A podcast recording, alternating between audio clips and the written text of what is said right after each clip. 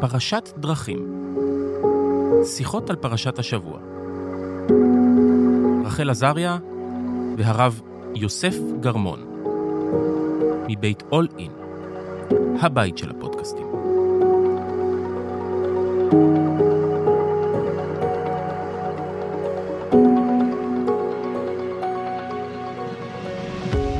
שלום וברוכים הבאים לפודקאסט פרשת דרכים, אני רחל עזריה, שלום לך, הרב יוסף גרמון. שלום, שלום. אז אתה שוב עם הלוק מדהים, הפעם קצת יותר משכנע, אני חייבת לומר, אתה בכל זאת אה, מסתבר שאתה באמצע טירונות. כן, כן, זה, כמו שאמרתי, זה סיפור ארוך, אבל uh, אנחנו קוראים על הפרשות של יציאת מצרים, ושהם הארץ המובטחת, אז אני לא יכול להיות בחו"ל בכזאת תקופה. אז הנה, אתה מתגייס. אז uh, כן, כן, כן, צריכים uh, להתגייס. אני אומר את זה גם, את יודעת מה, גם אם אני לא עושה משהו מאוד מאוד משמעותי, אבל בשבילי זה מסר לדור הבא, ל, לילד שלי, שהיום יראה אותי חוזר, ראה אותי הולך, והוא גם אמר לי שהוא רוצה להתגייס, הוא כבר רוצה בגיל 15, כן? הוא היום בן 7. אמרתי לו, הלוואי שלא יהיו מלחמות. מקרה, כן. אבל uh, זה דוגמה לדור הבא, זה מאוד כן. חשוב לי. כי אתה גדלת בבית חרדי. מאוד חרדי. אני אמרתי אצל מישהו שבאותו זמן היה לי יותר קל מבחינת המשפחה וזה, לצאת לחו"ל, לא משנה לאיזו מדינה, מאשר להתגייס לצבא. כאילו, בעיקרון ככה זה היה. כן. זה, זה היה בלתי אפשרי כמעט. כן. והיום מש... זה משתנה לאט לאט. טוב, אבל האם זה משתנה או לא, אנחנו נשמור על זה לפעם אחרת.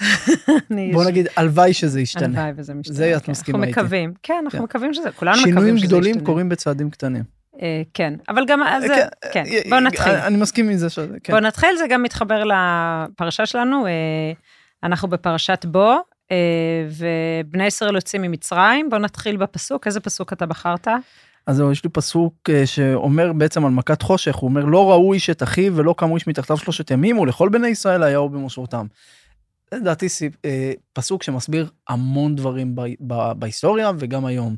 אה, מה זה הייתה מכת חושך, ושלבני ישראל יש אור? אם יש אור אין חושך, אז אפשר לתרץ את זה בצורה ניסית, כן? היה אור, היה חושך, היה זה, או בצורה מדעית, היה פלזמה, לא, כל מיני דברים כאלה ואחרים.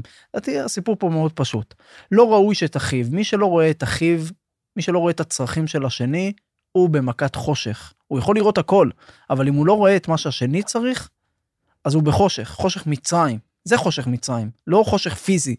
חושך בעיניים, חוש... כמו שאני אומר לאנשים עכשיו, מה שקורה בהאג וכל הדברים האלה, אז אני הרבה בוויכוחים של הסברה, ואני אומר להם, צריך להיות עיוור אה, מנטלי בשביל לא לראות את, את הצדק ש, שמה שישראל עושה, אה, ומה שאנחנו בעצם עושים, אנחנו לא רוצים להרוג אף אחד חף מפשע וכולי וכולי.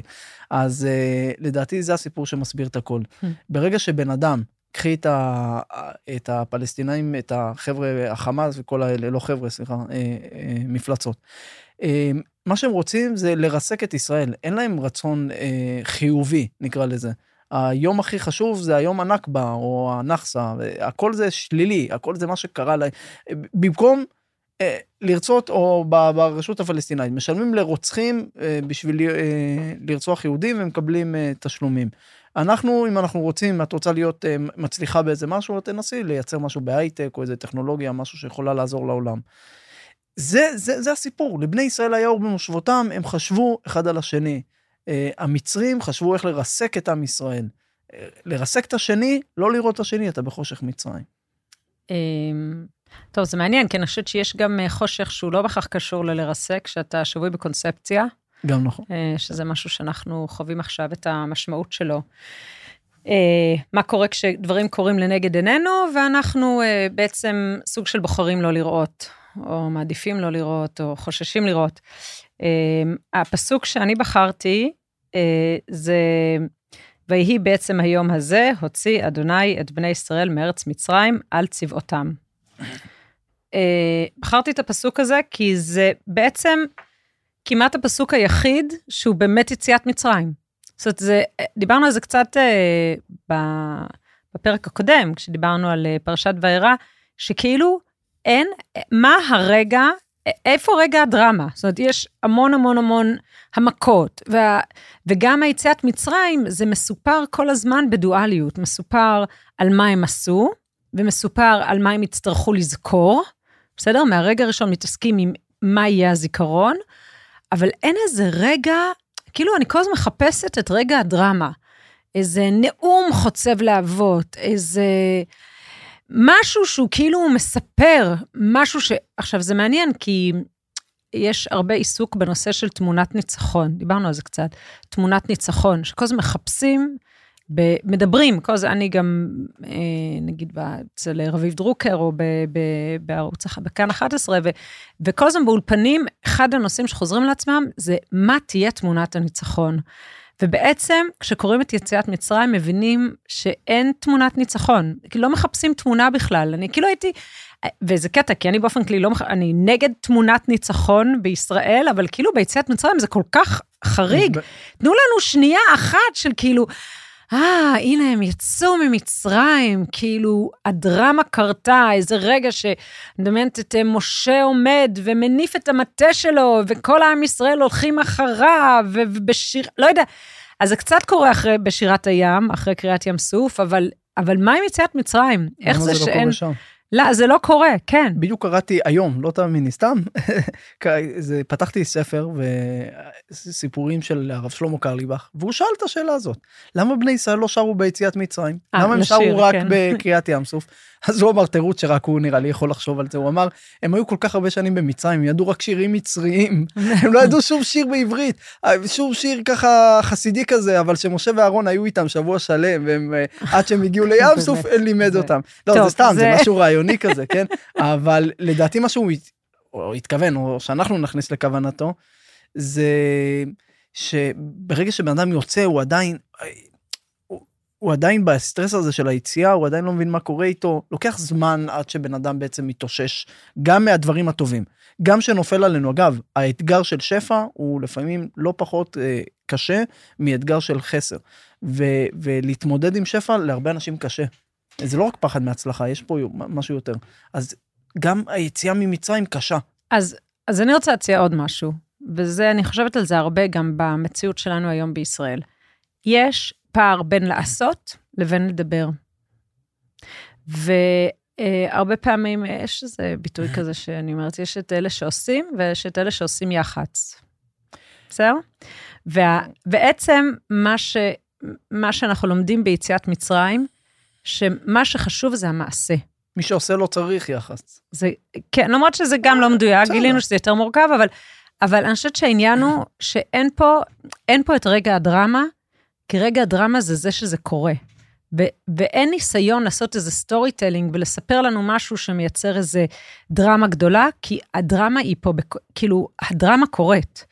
אז אנחנו אולי מחפשים את רגע הדרמה, אבל אני חושבת שאני שואלת את עצמי, אני לא יודעת, זה, האמת שזה נושא שמעסיק אותי, כי אני חושבת שמה שקרה במדינת ישראל בכמה עשורים אחרונים, זה שבעצם ההנהגה התנתקה מהציבור. זאת אומרת, אה, הכל נהיה יש איזה מין משהו לא אמיתי שההנהגה מדברת עליו, ראיתי את זה גם כשהייתי בכנסת, כאילו מין הצעות חוק לא ממש אמיתיות, והכל אה, מין... פופוליסטיות. מאוד פופוליסטיות וגם לא ממש קורות. אז זה לא רק בארץ, זה כל נכון. הפוליטיקה בעולם. כן, אבל אני חושבת ש...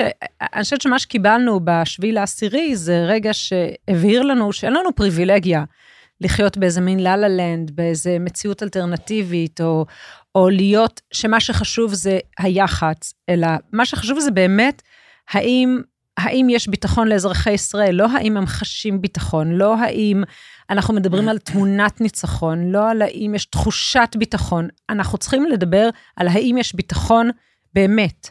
ואני חושבת שאנחנו די הרבה שנים התנתקנו מזה, זאת אומרת, כאילו הרשינו לעצמנו לחיות במין, אה, כאילו אם, אם תגיד משהו מספיק פעמים, שחמאס זה... מורתע, אז הוא באמת יהיה מורתע. עכשיו חמאס אמר, אוקיי, שמעתי, האמת שאני לא. אתה יודע מתי עוד זה קרה? בקורונה. שאמרו, ניצחנו את הקורונה, 아, אה, חוזרים כן, לחיים, והקורונה אמרה, אה, האמת שלא. אני עדיין כאן. אני פה. אגב, אני אוסיף לך, אה, סתם בין ראש שנה לכיפור, הייתי בניו יורק, במסגרת של האוי חוטה, שזה ארגון משקיף באו"ם של צעירים באמריקה הלטינית וארצות דוברי ספרדית. לא קשור לישראל, אבל איכשהו הזדמן להיות במלון איפה שגם הייתה המשלחת הישראלית, נתניהו וכל הזה. אני מכיר אחד מחברי המשלחת בצורה אישית, חברית, וישבתי איתו לארוחת ערב. והדברים שהוא אמר לי אז, ועכשיו שאני חושב עליהם, זה, אה, הוא הת- התבטא באיזה כמה, לא, לא רוצה להיכנס לפוליטיקה, אבל שה... כל העולם הולך להשתנות, כי ערב הסעודית הולכת לחתום אה, שלום עם ישראל, ואז כל מיני מדינות ערביות יצטרפו, ואז הפלסטינאים יבינו, ואז יחתמו, ואז הכל ישתנה, ואז... אה, את מכירה את הסיפור הזה עם הביצה, שהיא האישה האלמנה הענייה שמצאה ביצה ואמרה שהיא תדגור אה, והיא תביא ויהיו מלא ביצים והיא תמכור ויהיה לה מלא זה והיא תמכור ותקנה וזה, תלך למלך תקרא לפניו ואז נפלה לה הביצה ונשברה.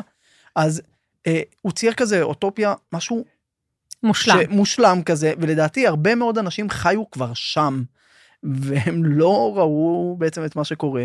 וזה מה שלדעתי התשובה למה שאמרת, כי התורה רוצה למנוע את התמונת ניצחון הזאת, להגיד, זהו, יצאנו ממצרים, הכל טוב. לא.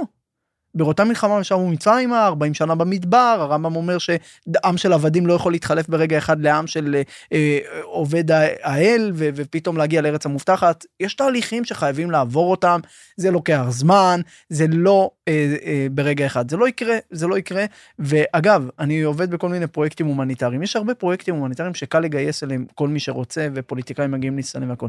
איזה פרויקט הכי קשה לגייס אליו אנשים? וכמעט אוקיי. אף אחד לא רוצה להצטרף? חינוך. Mm. למה? כי לא רואים את התמונות ניצחון. אתה משקיע בחינוך, אה, בכל מיני כפרים עניים בעולם, ומתי תראה, מתי הפוליטיקה יראה את התוצאות? אז אה, האמת שזה מתחבר למה שנעשה עם העוגן למשפחות המילואים, שאנחנו עובדים היום עם אה, עשרת אלפים אה, משפחות ב-250 יישובים ברחבי הארץ, ומשהו שאנחנו שמים לב זה ששמות לב, בעיקר אנחנו נשים, אה, עכשיו כבר יש יותר מודעות, אבל בהתחלה היה מאוד מאוד קשה להביא מתנדבים, כי כאילו, נגיד, אה, מה יותר, מה מצטלם יותר טוב, מה כיף יותר, לבשל לחיילים, שאחר כך גם עושים איזה מין סרטון תודה כזה, וגם כשמצטלמים, אור- כשכנים אורזים, הולכים, נוסעים וזה, או לאימא עם אה, שלושה ילדים צורכים בבית. נכון. אה, וזה באמת העניין הזה של מה מצטלם יותר טוב, ואני חושבת שהסיפור של יציאת מצרים הוא בכוונה, הוא נמנע מפתוס, הוא נמנע מאיזה דרמה יחצנית, מתמונת ניצחון, הוא, הוא פשוט, ו, והלוואי, אני לא, אני, אני רואה עולם מורכב יותר. אה, פעם חשבתי שבאמת, אתה יודע, אם תעשה, בסוף אתה לא צריך יח"צ. המציאות היום היא מאוד מאוד יחצנית, ו, ו, ואני חושבת שהתורה אומרת לנו, תדעו לכם שמציאות מאוד יחצנית זה לא טוב. אה, זה בעיניי. אה, בואו נמשיך, רוצה שנדבר קצת על, אה, על הדרמה של מכת בכורות. אה, כן, אז טוב, אז אני אתחיל. בדרמה של מכת בכורות בעצם, קודם כל זו מכה מאוד מאוד קשה, אבל על זה אולי נדבר פעם אחרת. מה שקורה שם שהוא מעניין, זה שבעצם האל מבקש, מ- משה מנחה את כל, ה, את כל ה, את בני ישראל, אה, לסמן את הבית שלהם. עכשיו זה רגע מאוד דרמטי. אה, בקמפיינים הייתי קוראת לזה הרגע שבו אתה לובש את, ה, את הטישרט. כאילו אתה מכריז לעולם, אתה מזדהה כחלק מקבוצה. ואני חושבת שזה רגע עוד יותר דרמטי, כי בעצם, ודיברנו על זה עם אה, פרופסור משה הלברטל בפרשת שמות, שהראשון שמגדיר את, את עם ישראל כעם זה פרעה. ובעצם ההגדרה היא חיצונית. ואני חושבת שהרגע הזה שאתה מסמן את הבית שלך, זה הרגע שבו אתה מגדיר את עצמך, ההגדרה היא גם פנימית, היא לא רק חיצונית. אמ, ו... והעניין הזה של באמת, פתאום בני ישראל הופכים להיות עם. והם גם צריכים לעשות את האקט המודע הזה, כדי שהם יצאו ממצרים כעם.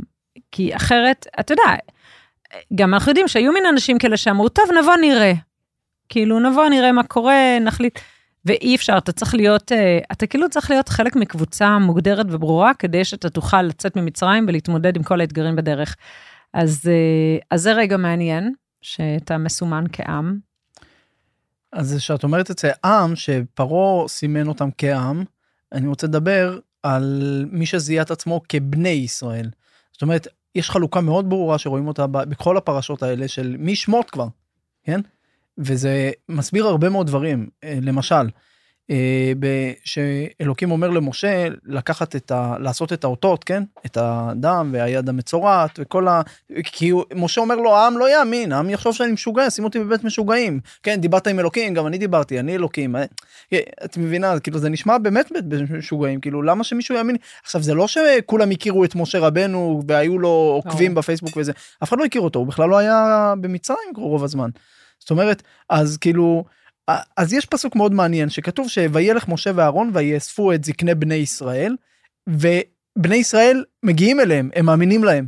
ואז כתוב, ויעש את האותות לעיני העם, ויאמן העם. בני ישראל כבר האמינו להם לפני זה, אבל העם האמין להם רק אחרי שראו את האותות. עכשיו, קחי עוד דבר למשל.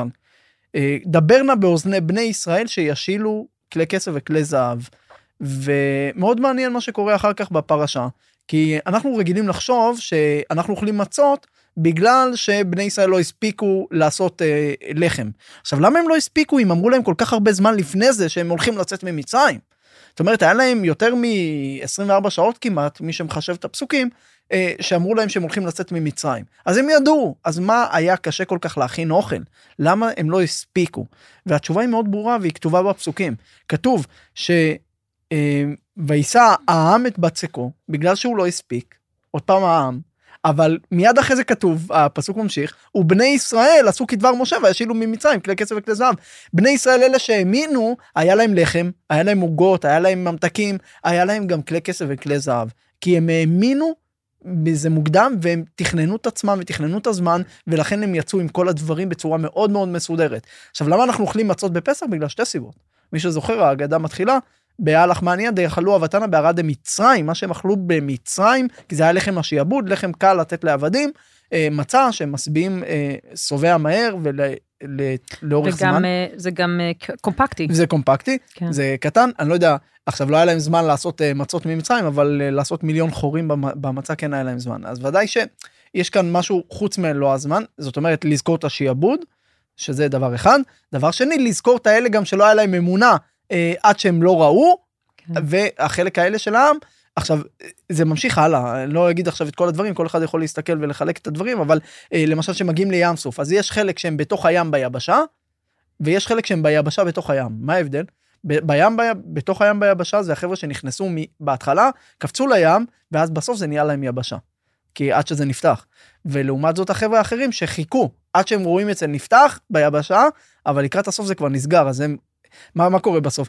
אלה שהיה להם אמונה הגיעו עם כסף, הגיעו עם, אה, עם, אה, עם אוכל, הגיעו בשמחה, הגיעו יבשים, והכל בסדר. אלה שלא הייתה להם אמונה, הם הגיעו רטובים, הגיעו בלי כסף, הגיעו רק עם אה, בצק, והגיעו אה, עצבניים. ואפשר לראות את זה בכל החיים, בחיים שלנו. יש, אה, סתם, אה, עכשיו שמדברים על הצבא, אז גם יש את האלה במסדרים, בזה, שהם חושבים שאיכשהו יהיה זמן, ועד הרגע האחרון, ואתה רואה אותם מגיעים מרוטים, בלי, לא הכינו את הדברים בצורה מסודרת, והכל הולך להם רע. ותמיד זה רודף את אותם אנשים כמעט. אתה תמיד יכול לחלק צבא העם, צבא בני ישראל. אה, ויש את האלה שמסודרים. אה, זאת אומרת, מאמינים בטווח, בדברים האלה. אה, למשל המרגלים, לדעתי הם היו מהחלק הזה של העם, שלא מאמין, הם, הם לא שיקרו, הם אמרו את הדברים האלה, אבל הם הוסיפו את המילה לא נוכל. אנחנו לא יכולים, לא, יהיה קשה, יהיה זה, יהיה פה, יהיה שם. יש הבדל מאוד גדול בין, ה, בין השתי קבוצות האלה. אם אתה מחכה לראות בשביל להאמין, או אתה מאמין ואז אתה רואה. כן. טוב, אתה מדבר, ואני אה, חושבת על זה שזה מעניין שהצלחנו לדבר כל כך הרבה בלי לדבר על, ה, על הדרמה של, אה, של יציאת מצרים. אה, כאילו ה... זה הכי חשוב. כן. לא, לא, אנחנו, זה... אמ, ו, ויציאת מצרים זה אחד ה... זה בעצם אה, הסיפור האולטימטיבי, המעורר השראה, ב, לפחות בכל העולם היהודו-נוצרי. אמ, וכל כך הרבה עמים אה, אה, מדברים על זה, וכל כך הרבה ספרים כותבים, ויש כל כך הרבה עיסוק ב, ב, ביציאת מצרים, כי באמת, זה באמת אירוע שהוא כמעט בלתי נתפס, ובדרך כלל, אה, כן, גם דיברנו על זה, שבדרך כלל אה, עבדים לא יוצאים מעצמם. זאת אומרת, בדרך כלל אה, מישהו בא ומשחרר את העבדים, ופה הם כאילו העבדים בעצם בהדרכה של משה, אבל יש פה איזה אירוע שהעבדים עצמם יוצאים ממצרים. וזה גם בסיס מאוד גדול לדמוקרטיה. למשל? כל הרעיון של חירות, שבני אדם אמורים לחיות בחירות. זה עיקרון מאוד עמוק ביהדות. אנחנו, אנחנו חוגגים את חג החירות הרבה לפני שמישהו דמיין. חשב על זה בכלל. כן, מה זה, כל הרעיונות הדמוקרטיים, הרעיון של אה, בני אדם נולדו להיות בני חורין, זה, זה נכון, רעיונות ש... נכון, ש... כי אפלטון כתב שהם נולדו להיות עבדים. זה ממש, זה רעיון שהוא בעולם הרחב, הוא, הוא מאוד מאוחר. והיהדות בעצם אומרת אותו כבר מלפני אלפי שנים. אפילו בארצות הברית, בהתחלה לא חשבו ככה. נכון. למרות, אבל זה מעניין, כי השחורים לא, אבל, אבל ארצות הברית עצמה, האמריקאים, הם שאבו השראה להקמה של הדמוקרטיה שלהם, נכון. מתוך התורה, מתוך הסיפור של יציאת מצרים, הסיפור של באמת הרעיון הזה, שאנשים נועדו לחיות בני חורין. זה הפוך מהרעיון של המלוכה שהיה באירופה לאורך שנים, ושל ה... אמ, ושל בעלי הקרקעות, ובעצם כל המערכת הכלכלית שהייתה בנויה, שאנשים הם אה, בעצם אה, אה, נאלצים פשוט לעבוד קרקע של מישהו אחר, ואין להם את שלהם, אין להם את החירות שלהם.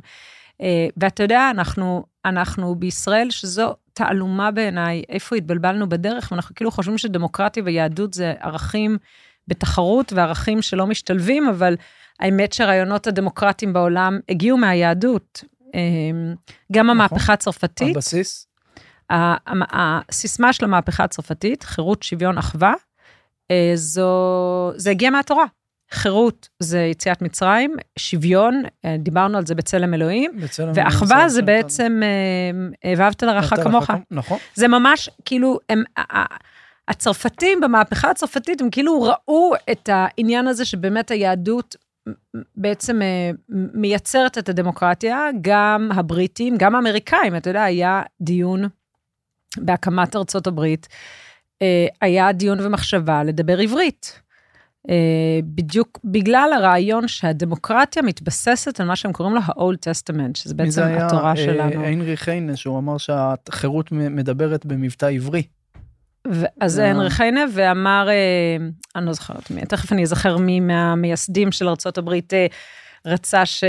בנג'מן פרנקלין, בנג'מן פרנקלין. אה, עם מה שעשית בפרהסיה אז. דיברתי על זה גם כן. בפרהסיה, אבל הוא רצה שידברו עברית. אה, בארצות הברית, הוא כן. כאילו אמר, מה זאת אומרת, זה אנחנו עם הדמוקרטיה, עם החופשי, אז אנחנו אמורים לדבר עברית. וגם יש יציאת מצרים והעניין הזה של עבדים שיכולים לצאת לחופשי, זה, זה מעורר השראה, אחד מהעקרונות או מהסיפורים שעוררו השראה בקרב השחורים בדרום ארצות הברית, שהיו ארצות, עבדים. כן. המייפלאואר, שהם ברחו מהאנגליקנים, הם בעצם דימו את החצייה של נכון. האוקיינוס האטלנטי, הם קראו לזה ים סוף, ואת הארץ המובטרת, הארץ החדשה. זה, יש פה... 1620. זה, כן, יש פה הסיפור הזה של המקום של הדמוקרטיה, של ה... הסיפור של יציאת מצרים בעצם כערש הרעיון הדמוקרטי, ערש החירות, אה, הוא סיפור, הוא, הוא מדהים, קודם כל הוא מדהים בעיניי, אני תמיד מרגישה שזה, זו זכות להיות חלק מעם שקידש את החירות כל כך הרבה שנים.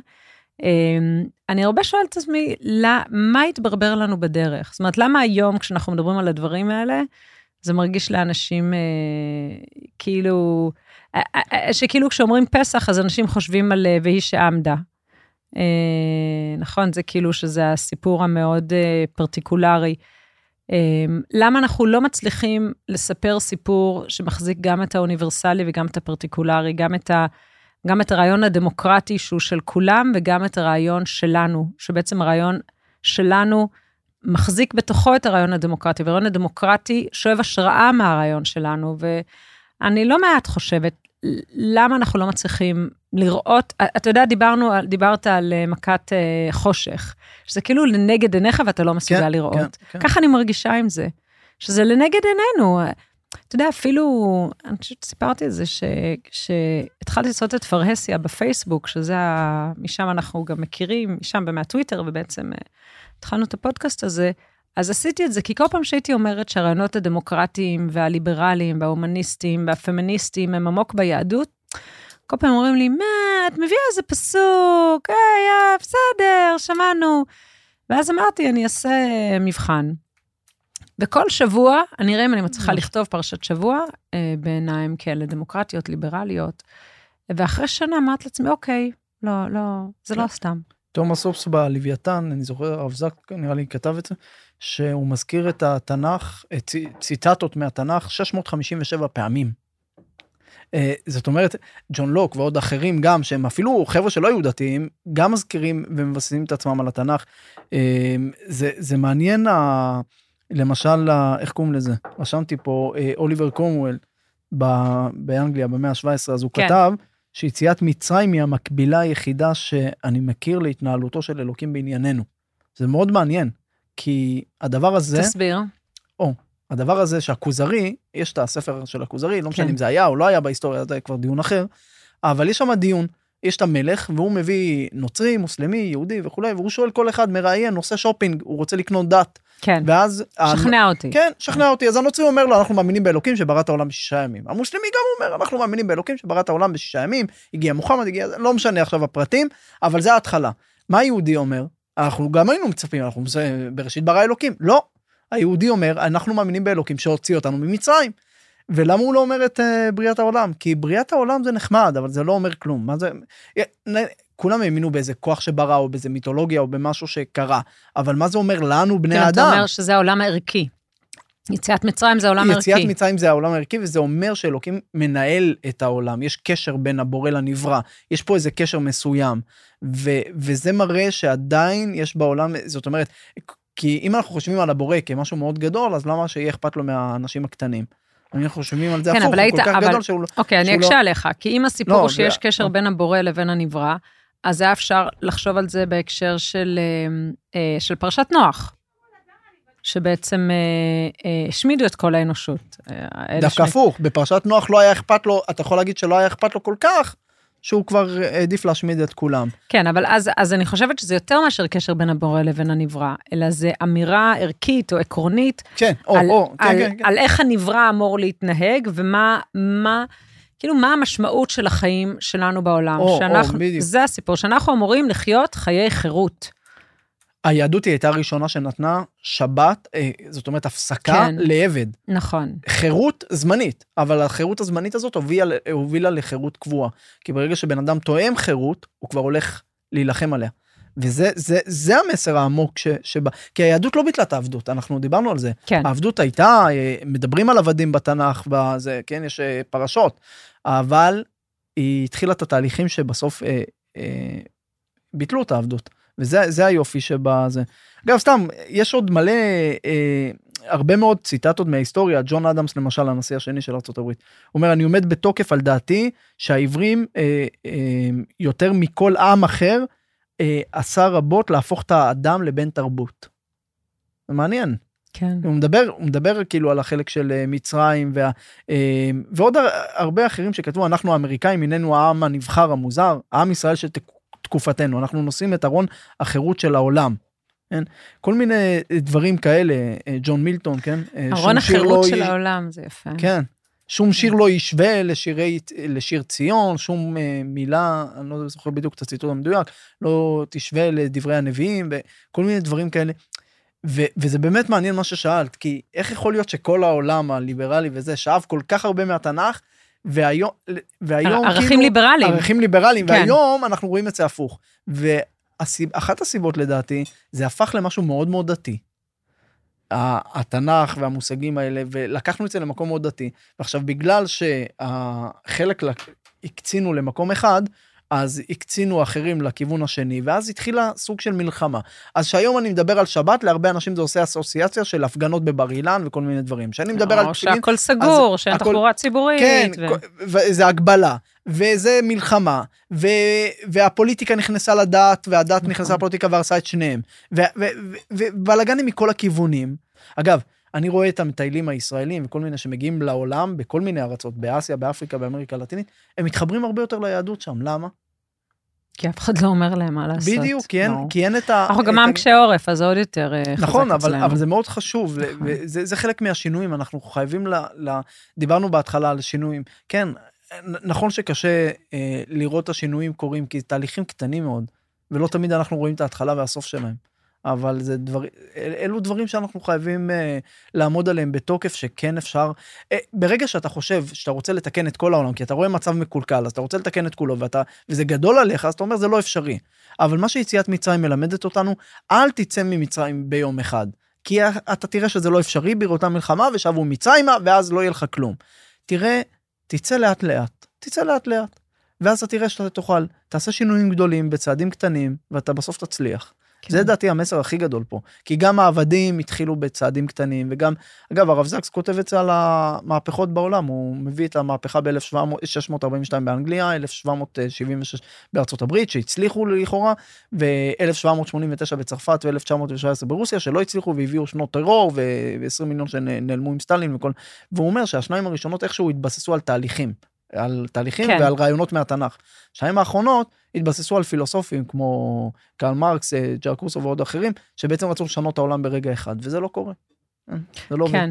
אני, לא, אני, אני שומעת מה שאתה אומר, שזה בעצם הסיפור, זה התהליך, אה, אבל אני חושבת שיש פה גם, זה, זה נכון, יש פה עניין של תהליך, אבל יש פה באמת גם איזה סיפור גדול של דמוקרטיה, ואני, זה מבאס שאנחנו לא מצליחים לראות את זה. אני, אני כל הזמן שואלת את עצמי, איך החברה הישראלית תשתפר, ו, ואני חושבת שברגע שאנחנו נבחין ו, ונבין ו, ונחבק את החיבור, החיבור הזה בין יהדות לדמוקרטיה, ולא נראה בזה כמין פשרות או איזה קושי מאוד גדול, אתה יודע, גם כאילו יש תפיסה שאם אם אתה, אם אתה דמוקרט או אם אתה ליברל, אתה בעצם לא יכול להיות בעד, בעד תפיסה של לאום, בעד תפיסה של קבוצה מסוימת.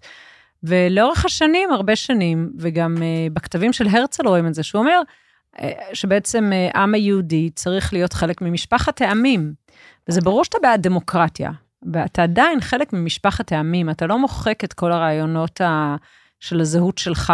אני חושבת שככל שהדמוקרטיה בעצם, כאילו נהיו מין קצוות, גם ביהדות נהיה מין קצה מאוד מאוד רדיקלי, ש, שבמקום אה, לחשוב על היהדות כדת שתמיד אה, הייתה מאוד פמיניסטית ומאוד בעד זכויות נשים, אז uh, בעצם עושים הפוך, לוקחים את החוקים, דיברנו על זה פעם, לוקחים כן, את כן, החוקים כן, הישנים, שמטרתם היו להגן על נשים, ועכשיו בקונטקסט בעצם... בקונטקסט ההיסטורי כן, הישן. כן, שזה היה מדהים, וזה היה פמיניסטי וזכויות נשים, ועכשיו באים, מביאים את זה עכשיו, ואומרים, אוקיי, אז לנשים אסור לעשות, למה? כי לפני 3,000 שנה, 4,000 שנה, כן. כשלנשים לא היו שום זכויות, נתנו לנו, לא יודעת מה, הרבה יותר מאשר כל אחת אחרת, ועכשיו אה, מחזירים אותנו אחורה. זה כמו שאני אדבר בשתי כוסות עם מסך רחוק הזה. כן, בדיוק, כי אתה יודע, ככה, כן, ואז חייבים לחזור לשם. לחזור כן. למקורות. לא, אז אה, איכשהו, אה, אז מצד אחד יש את זה, ומצד שני איזו תפיסה שבעצם מוחקת את הזהות שלנו כעם וכתרבות, זה, זה מין,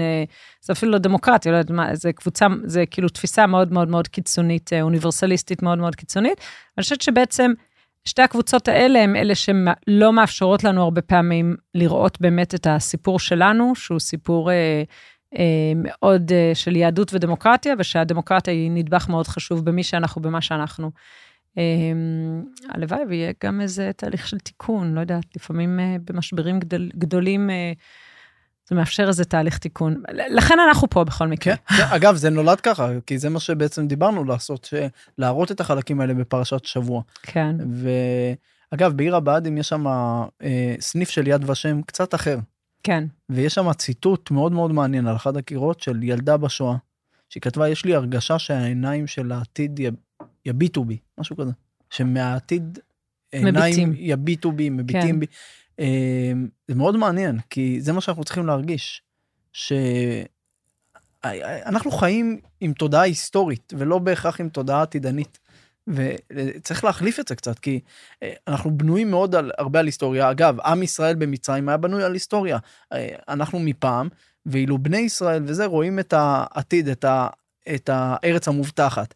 השאלה אם אתה, בעבור תעבדו את האלוקים, ואז במתן תורה הוא אומר להם, היום אתם נהייתם לעם, היום. בעצם אלוקים אומר להם, ודיברנו על זה גם, אל תהיו עם ישראל רק בגלל מצרים ואנטישמיות ודברים רעים, תהיו ברית גורל, תהיו בריתיות, תהיו גם בגלל העתיד, תהיו גם בגלל מה שאתם רוצים לעשות, ולא כל הזמן לשלם רק את הבעיות. מזכיר לי איזה סיפור אה, אה, קומי כזה, על שני גנבים שרצו לש- לשדוד בנק, הלכו לש- לשדוד בנק, ואז פתאום שהם בתוך הבנק הם שומעים משטרה, סירנות, בלאגן, אז כל אחד לוקח איזה קופסה ובורח. טוב, מגיעים לבית, כל אחד, אחד מתקשר לחבר שלו, אומר לו, נו, מה היה בקופסה שלך? הוא אומר לו, מלא כסף, זהב, כסף זה לא הכי חשוב בחיים, הכי חשוב זה כמה, ברוך השם, היה מלא מכל הסוגים. הוא אומר לו, ומה היה אצלך? הוא אומר, תראה, נפלתי קשה, רק חובות של הבנק, חשבונות לשלם וכל מיני דברים כאלה. אז הוא אומר לו, אז מה תעשה? הוא אומר, מה אני יכול לעשות? לאט לאט אני אשלם את זה. וזה מה שאנחנו עושים לפעמים, אנחנו כל היום כאילו כבר שם בעבר, וצריכים להסתכל, אמרתי מה שאלוקים אומר למשה, קוראים לי אהיה, אני לשון עתיד. דבר איתי על העתיד, תצא ממצרים, תצא מהזה. ו... אתה, אתה יודע, זה מעניין, כי מה שאתה אומר שזה, כאילו, ה- היכולת לראות את העתיד, או המבט של העתיד, אז אני אה, חיפשתי מהר את אה, נאום גטיסברג, כי בנאום גטיסברג, אחד הדברים שאברהם לינקולן אומר, זה שהוא אומר, כאילו, מתרחשת פה דרמה ענקית, שכאילו שהיא לא, לא באמת מעניינת אף אחד. אה, שזה בסוף הפך להיות אחד הנאומים הכי מעצבים, הכי מעצב- מגדירים, כן, הכי... ואני חושבת שזה מעניין, כי זה, זה, זו מלחמה איומה ונוראה. אגב, ו- הוא היה בן אדם שעבר המון כישלונות בחיים המון שלו. כישלונות. אשתו נפטרה, והוא היה באיזה בית משוגעים, כמעט, לא יודע, חטף נפילת עצבים. לא, קודם איזה כל לקח, הוא, הוא לק- נבחר כן, אחרי אחרי- המון הוא- המון המון שנים. הפסיד- הוא איבד את הבן שלו, הוא איבד- בזמן ה... כן. הפסיד, אה, לדעתי זה שבע, שמונה פעמים בדברים. ניסה להיבחר כן, כן, הוא לא, לסנאט, הוא, לא, לפה, הוא לשם. לא הצליח, אה, אבל אני חושבת שזה, שזה מעניין, כי, כי גם אה, נאום אה, גטיסברג הוא, הוא, הוא בתקופת משבר מאוד מאוד מאוד גדולה, ואז מוגדרת מחדש, בעצם זה הרגע שבו מוגדרת הדמוקרטיה הישראלית. אה, סליחה, האמריקאית. זה הרגע שבו מוגדרת הדמוקרטיה האמריקאית של ה... um, the government of the people, by the people, for the people, ו, ולמרות שהייתה דמוקרטיה בהקמת ארצות הברית, לקח אה, 80 ומשהו שנה, נכון? אה, four scores, אני רוצה 87 שנה, עד נאום גטיסברג, שבעצם הגדירה שוב את ה... אני חושב שזה הזמן של השעבוד האמיתי במצרים, 86-87 אה, שנה. יפה, זה אותו דבר. כן. כנראה שזה איזה תקופה, יכול להיות שגם אנחנו בדרך לשם לאיזה התחדשות טובה ויפה. אני לא רוצה לחכות עד 87 שנים למדינה. אה, זה לא המון, אה, אז שיהיה קצת לפני. אני מקווה, אבל אה, אני, יש לפעמים לי... יש איר- אירועים שהם אה, מריצים ומאיצים תהליכים. להיות. הקורונה האיצה כל מיני תהליכים, וגם המלחמה הזאת, אגב, אם דיברנו על חרדים וצבא, המלחמה הזאת ומה שקרה ב-7 באוקטובר, אני אומר לך משיחות עם הרבה מאוד אה, חרדים, זה, זה שינה להרבה בתודעה, בתפיסה. אני לא יודעת. את- זה שינה. טוב, אני אגיד לך. לא בהנהגה תקשיב, החרדית, לא לא, בזה, לא בהנהגה. אבל... תראה, אני לפני עשור ו-15 שנה, הייתי מאלה שכתבו מאמרים על זה שהחרדים משתנים, ואנחנו צריכים לאפשר לתהליכים האלה לקרות, ולהוקיר את התהליכים האלה, ולחבק אותם, וגיליתי ש-15 שנה אחר כך, זה לא שינה. לא קרה כלום. ואתה יודע, כל מיני אנשים שהיו מעורבים בדברים האלה 15 שנה לפניי, אמרו לי, את יודעת, אנחנו כבר 30 שנה שומעים את זה ושום דבר לא משתנה. אז אני, אני... אבל השביעי באוקטובר הייתה נקודת לא, אז, שבר. זה- אז אני, אין, אני לא, אין בעיה, אבל יש פה חובת הוכחה. אה, כ- ודאי. וצריך לראות שזה באמת קורה, ולא שוב איזה דיבור על זה שזה, כי אני כבר אה, מודה, אתה יודע, אני ירושלמית, אנחנו הייתי חברת מועצה ב... בקואליציה אה, מאוד מאתגרת מבחינת יחסי חרדים חילונים ו- ו- ו- ו- ודתיים וכל ה... ולא הסכימו לשים תמונות שלי על האוטובוס, ועתרתי לבג"ץ שוב ושוב, והדרת נשים, ודברים מאוד מאוד לא פשוטים, וכל פעם נאחזתי בזה שדברים משתנים, ואני... הלוואי, אני מקווה. אנחנו כולנו ניסע, לזה, ניסע תפילה שזה יקרה. אה, אתה רוצה לומר משהו לסיום? אה, אין סיום. אין כן. סיום חד, אה, כן. זה, זה היופי, זה, זה מה שיפה. תמיד אפשר להמשיך לחשוב, ולדעתי אני משאיר את זה ככה, בלי איזה מילת סיום בומבסטית, אלא ממשיכים את התהליכים, ממשיכים את הקריאה בפרשות השבוע, בחיים שלנו, לחבר את העבר, הווה והעתיד כאן, ו... וזה היופי. אמ, כן, הנה מצאתי את המשפט אה, בנאום גטיסברג. The world will little note, no longer remember what we say here, but it can never forget, uh, forget what they did here. אתה יודע, זה מעניין, כי זה בדיוק מה שאמרנו על יציאת מצרים. שאולי אף אחד לא יזכור לא מה לזכור אומרים, מה אומרים. אבל אבל- לזכור מה עושים. זה בדיוק יש זה. משפט שבנוי על זה. לא יזכרו מה, אה, אתה לא תזכור מה עשית, אתה לא תזכור מה אמרו לך, אתה לא תזכור מה אמרת, אתה תזכור מה חווית. משהו מהמם. כזה, אתה לא תשכח את מה שחווית. טוב, זה, אני כן. חושבת שהוא אומר פה משהו אחר, הוא אומר, סליחה, זה, הוא אומר, בסוף מה שמשנה זה מה, ש, אה, זה מה שעושים. כן, כי זה החוויה. כן, אבל חבל. זה, אבל זה גם התוצאה, בסדר? כן. זה כאילו, ויציאת מצרים בסוף, לא מצאנו את רגע השיא, רגע הדרמה, אבל בני ישראל בסוף הפרשה הם באמת יצאו ממצרים.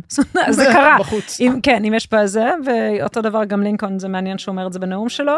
אה, ובנימה אופטימית זו, של יציאה ממצרים, אנחנו מקווים, אה, ושל חירות ושל דמוקרטיה ושל יהדות, באמת, דברים כל כך יפים. אה, אנחנו מקווים שיהיו לנו אה, ימים טובים יותר לכולנו. אז תודה, הרב יוסף גרמון, פרשת בו, פרשת דרכים, ואנחנו... אה, מזמינים אתכם גם... מזמינים אה, אתכם בוא, אלינו. בואו. כן, בואו לפייסבוק, תאזינו, תעשו עוקב, תשתפו, ספרו לחברים על הפודקאסט הזה, שבאמת אה, צובר אה, מאזינים. אז אה, תודה רבה.